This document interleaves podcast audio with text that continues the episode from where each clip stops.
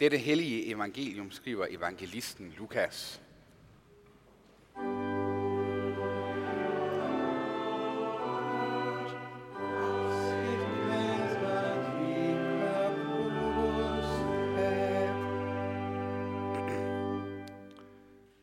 Jesus sagde, der var en rig mand, som klædte sig i purpur og fint linned, og hver dag levede i fest og pragt. Men en fattig mand ved navn Lazarus lå ved hans port, fuld af sår, og ønskede kun at spise sig midt i det, der faldt fra den rige spor. Og hundene kom til med og slikkede hans sår. Så døde den fattige, og han blev af englene båret hen i Abrahams skød. Også den rige døde og blev begravet. Da han slog øjnene op i dødsriget, hvor han pintes, ser han Abraham langt borte og Lazarus i hans skød. Fader Abraham, råbte han, forbarm dig over mig og send Lazarus, så han kan dyppe spidsen af sin finger i vand og læske min tunge, for jeg pines i disse lurer. Men Abraham svarede, barn, husk på, at du fik dit gode, mens du levede, og Lazarus på samme måde det onde. Nu trøstes han, han her, mens du pines. Desuden er der lagt en dyb kløft mellem os og jer, for at de, som vil herfra over til jer, skal ikke kunne det, og de heller ikke skal komme over til os deroverfra. Da sagde han, så beder jeg dig, fader, at du vil sende ham til min fars hus, for jeg har fem brødre, for han kan advare dem, så ikke også de kommer til dette pinested. Men Abraham svarede, de har Moses og profeterne, dem kan de høre. Nej, fader Abraham, sagde han, men kommer der en til dem fra de døde, vil de omvende sig. Abraham svarede, hvis de ikke hører Moses og profeterne, vil de heller ikke lade sig overbevise, selvom en står op fra de døde.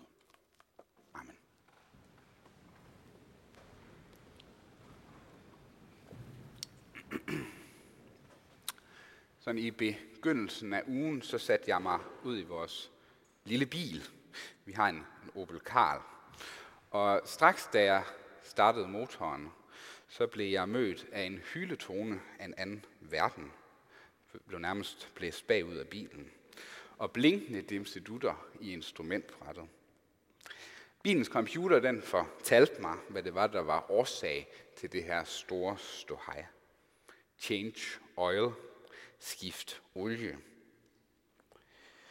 Det har jeg forholdt mig til på lidt forskellige måder i løbet af ugen. Indtil videre så har jeg glad og lyksalig ignoreret alarmen så en lille uges tid i sådan et utopisk håb om, at problemerne på mirakuløs vis vil forsvinde af sig selv. For det er jo noget bøvl med at få en bil til mekanikeren, og den skal der ud, og det tager tid, og jeg tror, I kender tankerne. Så er det nemmere at ignorere den venlige påmindelse og tænke, det går nok. Men sådan i løbet af ugen, så har jeg kunnet mærke, at der er sådan begyndende uro i mig. For hver gang jeg sætter mig ud i bilen, så kommer den her advarsel til mig, og så tænker jeg jo, at motoren kan jo gå i stykker, hvis jeg ikke får gjort noget ved det. Så jeg besluttede mig for, nu er det tid til handling, og har fået bestilt en tid.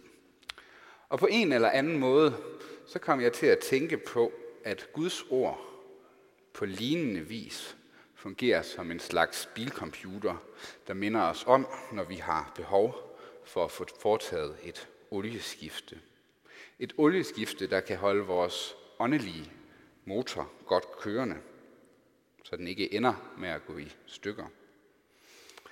Er det, så tror jeg, at vi kan have det lidt på samme måde, som jeg havde det med min bil. Vi orker det ikke rigtigt. Det er meget nemmere bare at lade stå til. Så går det jo nok alligevel. Og på den måde så sejrer maligheden. I dag der er det som om, at Jesus spørger os, hvordan står det til med din åndelige motor?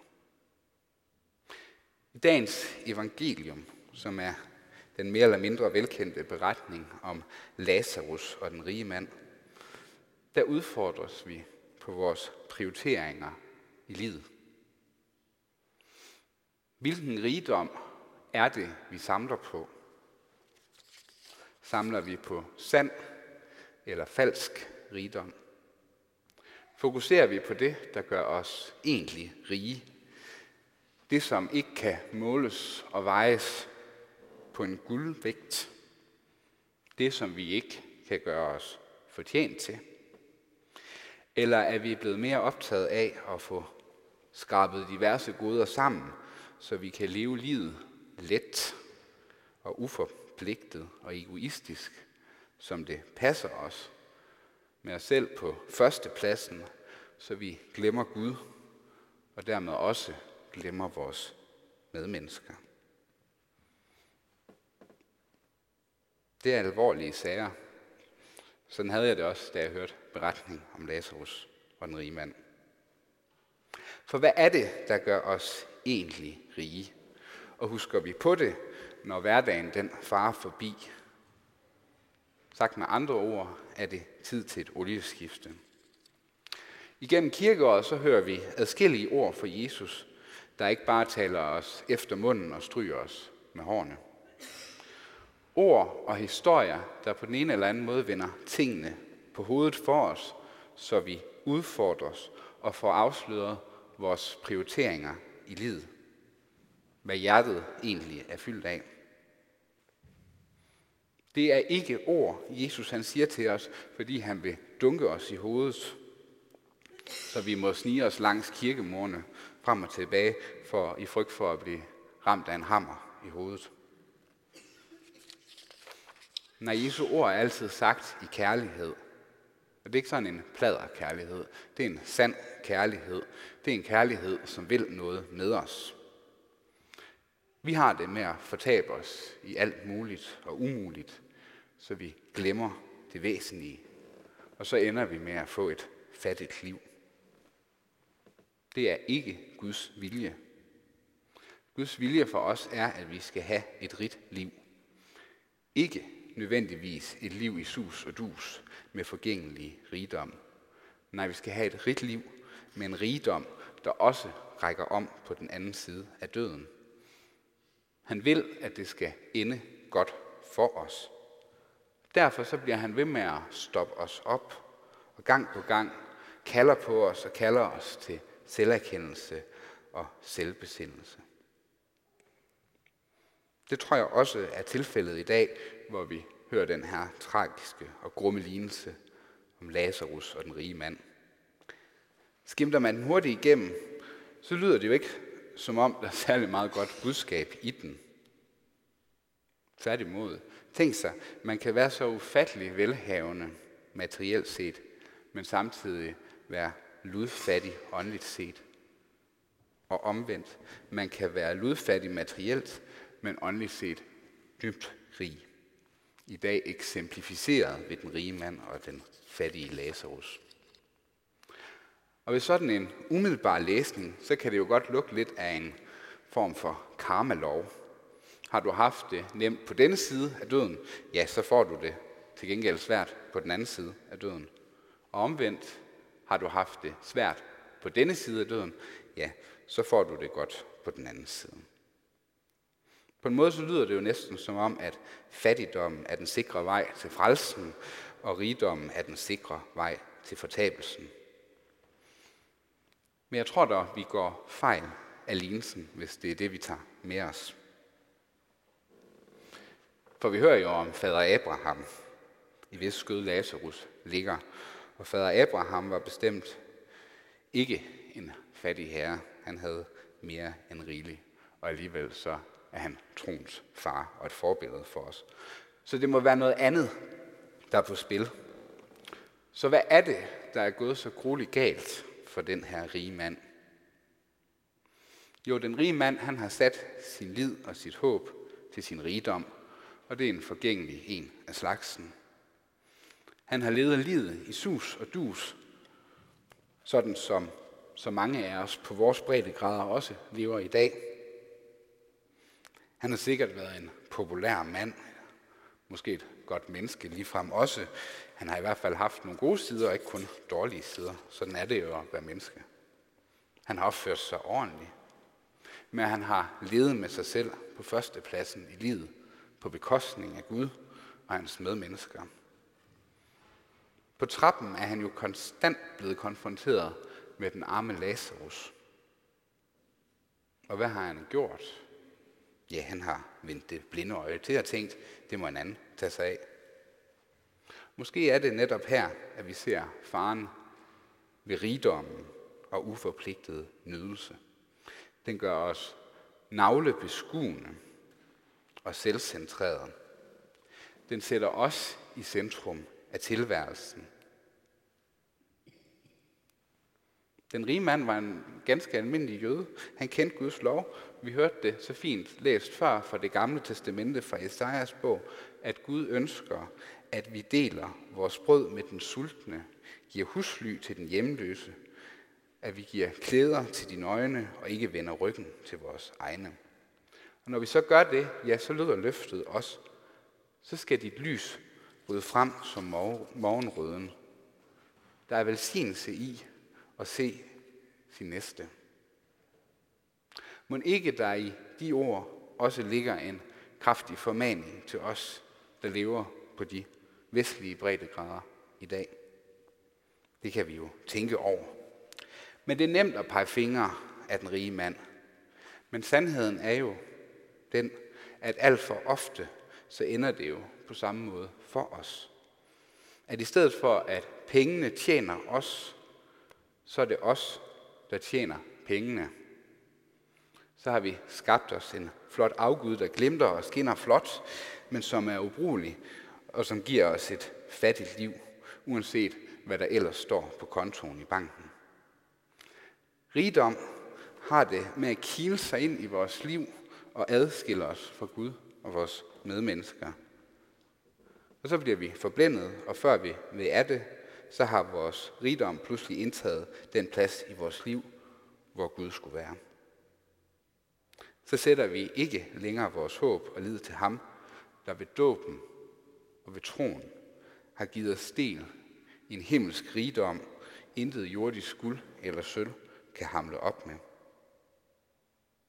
Det er derimod blot en fattig afglans, som ganske vist kan stille vores overfladiske behov og trængsler nu her, men som aldrig kan give os den rigdom, der også holder på den anden side af døden.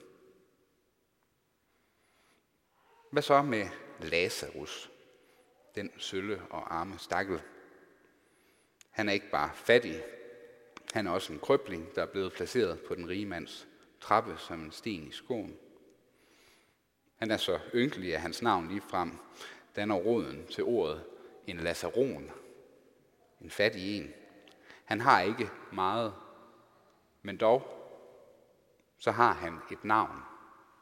Lazarus. Det betyder en Gud hjælper. Og det er det egentlig interessante og evangeliske i den her lignelse. Lazarus er den egentlige rige, fordi Gud er hans hjælper. Lazarus' navn var kendt af Gud. Derfor ligger han trygt og godt i Abrahams skød. Kun med Guds hjælp kan vi komme trygt i Abrahams skød. Hemmeligheden er måske, at vi må indse, at når det kommer til Gud, så er vi alle sammen ligesom Lazarus. Vi kan kun ligge og tikke og bede om noget. Den gode nyhed er, at i modsætning til den rige mand, så ignorerer Gud os ikke, når vi gør det. Nej, så ser han os, så kommer han os til hjælp, så kalder han os ved navn, sådan som vi faktisk lige har set det eksemplificeret i dåben. Vi får et navn hos Gud.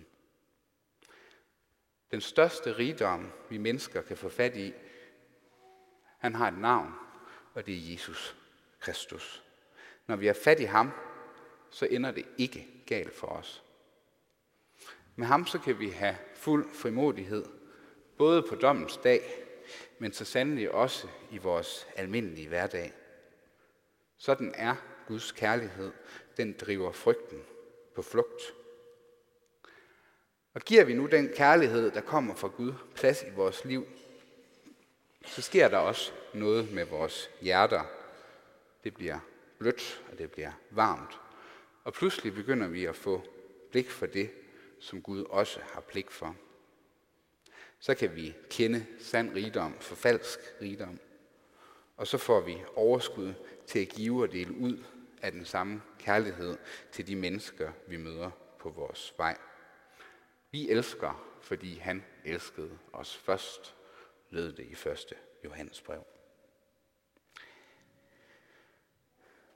Givetvis så får vi nok forvildet os på afveje igen. Men så kommer evangeliet af der en gang med sin irriterende, men dog alligevel befriende servicemeddelelse til os, at det ved at være tid til et olieskifte. Amen. Ære være faderen og sønnen og helligånden, sådan som det var i begyndelsen, således også nu og altid og i al evighed. Amen. Og lad os rejse os og med apostlen tilønske hinanden, at vor Herre Jesu Kristi nåde, Guds, vor Fars kærlighed og Helligåndens fællesskab må være med os alle.